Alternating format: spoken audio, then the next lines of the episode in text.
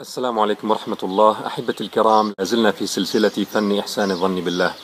سنختم الحديث عن تأمل أسماء الله تعالى وصفاته بالحديث عن ستر الله على عباده. صح عن رسول الله صلى الله عليه وسلم أنه قال إن الله حيي ستير. إن الله حيي ستير. قد تبتلى فيتعاطف الناس معك ويدافعون عنك ويذكرون أفضل صفاتك. ويثنون عليك ثناء عطرا. حينئذ إياك أن تغتر بنفسك. بل تذكر أن هذا كله إنما هو من فضل الله الذي أظهر الجميل وستر القبيح. فلو أظهر أقبح ما عندك فلعلهم انفضوا عنك وقالوا عنك إنما ابتلي بسوء أعماله. إنما ابتلي بسوء أعماله. وتصور كم سيكون مؤلما أن تسمع هذه الكلمة وكم ستزيد همك. ليس هذا الكلام للعصاة فقط فليس منا أحد في قلبه حياة إلا ويعلم من نفسه أشياء يحب أن يسترها الله تعالى. فكل بني آدم خطاء فتش في نفسك. إن لم تكن تسر معصية الآن فقد عصيت الله في ماضيك ولا بد. وكان من الممكن أن يطلع عباد الله على ذلك فتهتز صورتك في عيونهم بعد أن أحبوك. ولكن الله سترك. بل قد تكون تساهلت في تناقل ما ينسب إلى أخيك المسلم من نقيصة مفترات عليه من نقيصة مفترات عليه وتقول العهدة على الراوي. فتسببت في أن يشيع عنه ما ليس فيه مع أن الله سترك على ما فيك. لن تخلو مما تحب ستره. إن لم تكن معصية فتقصير في طاعة. إن لم تكن معصية فموقف يمكن أن يساء تفسيره فيسوء ظن الناس بك لكن الله تعالى سترك. أو نقطة ضعف في شخصيتك يمكن أن يفرح بها خصومك.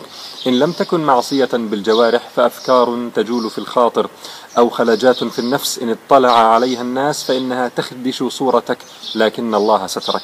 أعود فأقول يعرف هذا من نفسه كل من في قلبه حياة.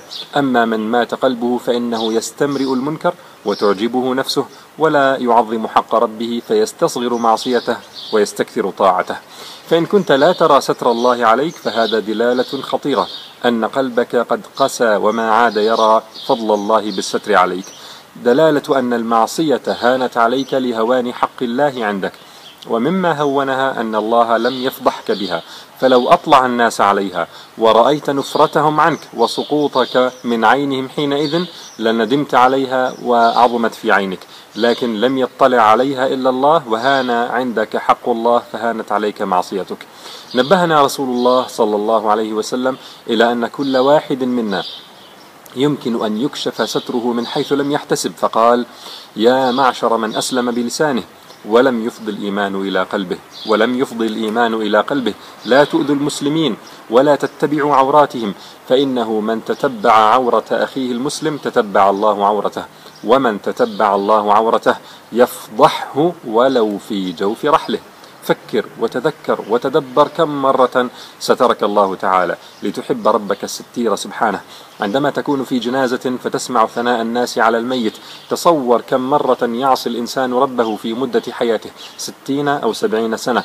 ثم عند الموت يذكره الناس بخير ويستره الله. بل انظر إلى تواصل ستر الله على عباده المؤمنين يوم القيامة. في الحديث الذي رواه البخاري أن رسول الله صلى الله عليه وسلم قال إن الله يبني المؤمن أي يوم القيامة. فيضع عليه كنفه ويستره فيقول أتعرف ذنب كذا؟ أتعرف ذنب كذا؟ فيقول نعم أي رب. حتى إذا قرره بذنوبه ورأى في نفسه أنه هلك قال سترتها عليك في الدنيا وأنا أغفرها لك اليوم. سترتها عليك في الدنيا وأنا أغفرها لك اليوم فيعطى كتاب حسناته. تصور معاص سترها الله في الدنيا فلم يعلم بها إلا الله ثم صاحبها والحفظة من الملائكة ثم سترها الله بعد وفاة صاحبها ثم سترها يوم القيامة فدفنت وكأنها ما كانت. ولا يظهر الله إلا محاسن صاحبها فيعطى كتاب حسناته فينطلق ويقول هاؤم اقرأوا كتابيه. كيف أيها العبد لو لم يسترها الله؟ أكنت تقول للعالمين هاؤم اقرأوا كتابيه. بل قد تعمل عملا لله تعالى تسر به لئلا يدخل قلبك الرياء فيقبله ربك عز وجل. ثم يظهر هذا العمل على يد أعدائك فيزيد محبتك في قلوب الناس ويرفع قدرك عندهم أنك أسررت به ويعود عدوك خاسئا مدحورا. وإذا أراد الله نشر فضيلة طويت أتاح لها لسان حسود لولا اشتعال النار فيما جاورت ما كان يعرف طيب عرف العود. فاشكر الله الذي فعل هذا بحسناتك ولم يفعله بمعاصيك وسيئاتك. وإن أثنى عليك المثنون فتذكر على الفور أن تشكر الله الذي سترك. وتصور لو أن للمعاصي صغيرها وكبيرها رائحة تفوح أو علامة تظهر على جبهتك كيف سيكون الحال؟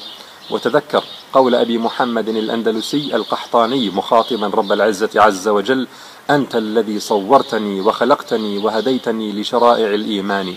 أنت الذي آويتني وحبوتني وهديتني من حيرة الخذلان وزرعت لي بين القلوب مودة والعطف منك برحمة وحنان ونشرت لي في العالمين محاسنا وسترت عن أبصارهم عصياني والله لو علموا قبيح سريرتي لأبى السلام علي من يلقاني.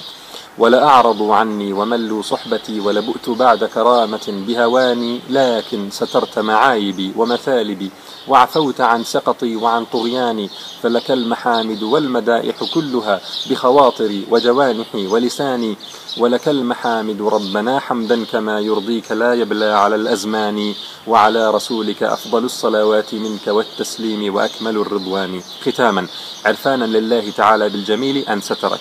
وحتى يستمر ستره عليك استر على عباد الله. فقد قال النبي صلى الله عليه وسلم ومن ستر مسلما ستره الله في الدنيا والآخرة. وقال في الحديث الذي صححه الألباني من غسل ميتا فكتم عليه غفر الله له أربعين مرة.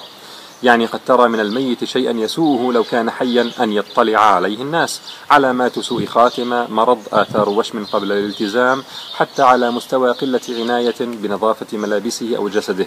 سترك الله فاستر على عباد الله وكلما دعتك نفسك إلى الحديث عن عيوب الناس فتذكر ستر الله عليك والسلام عليكم ورحمة الله.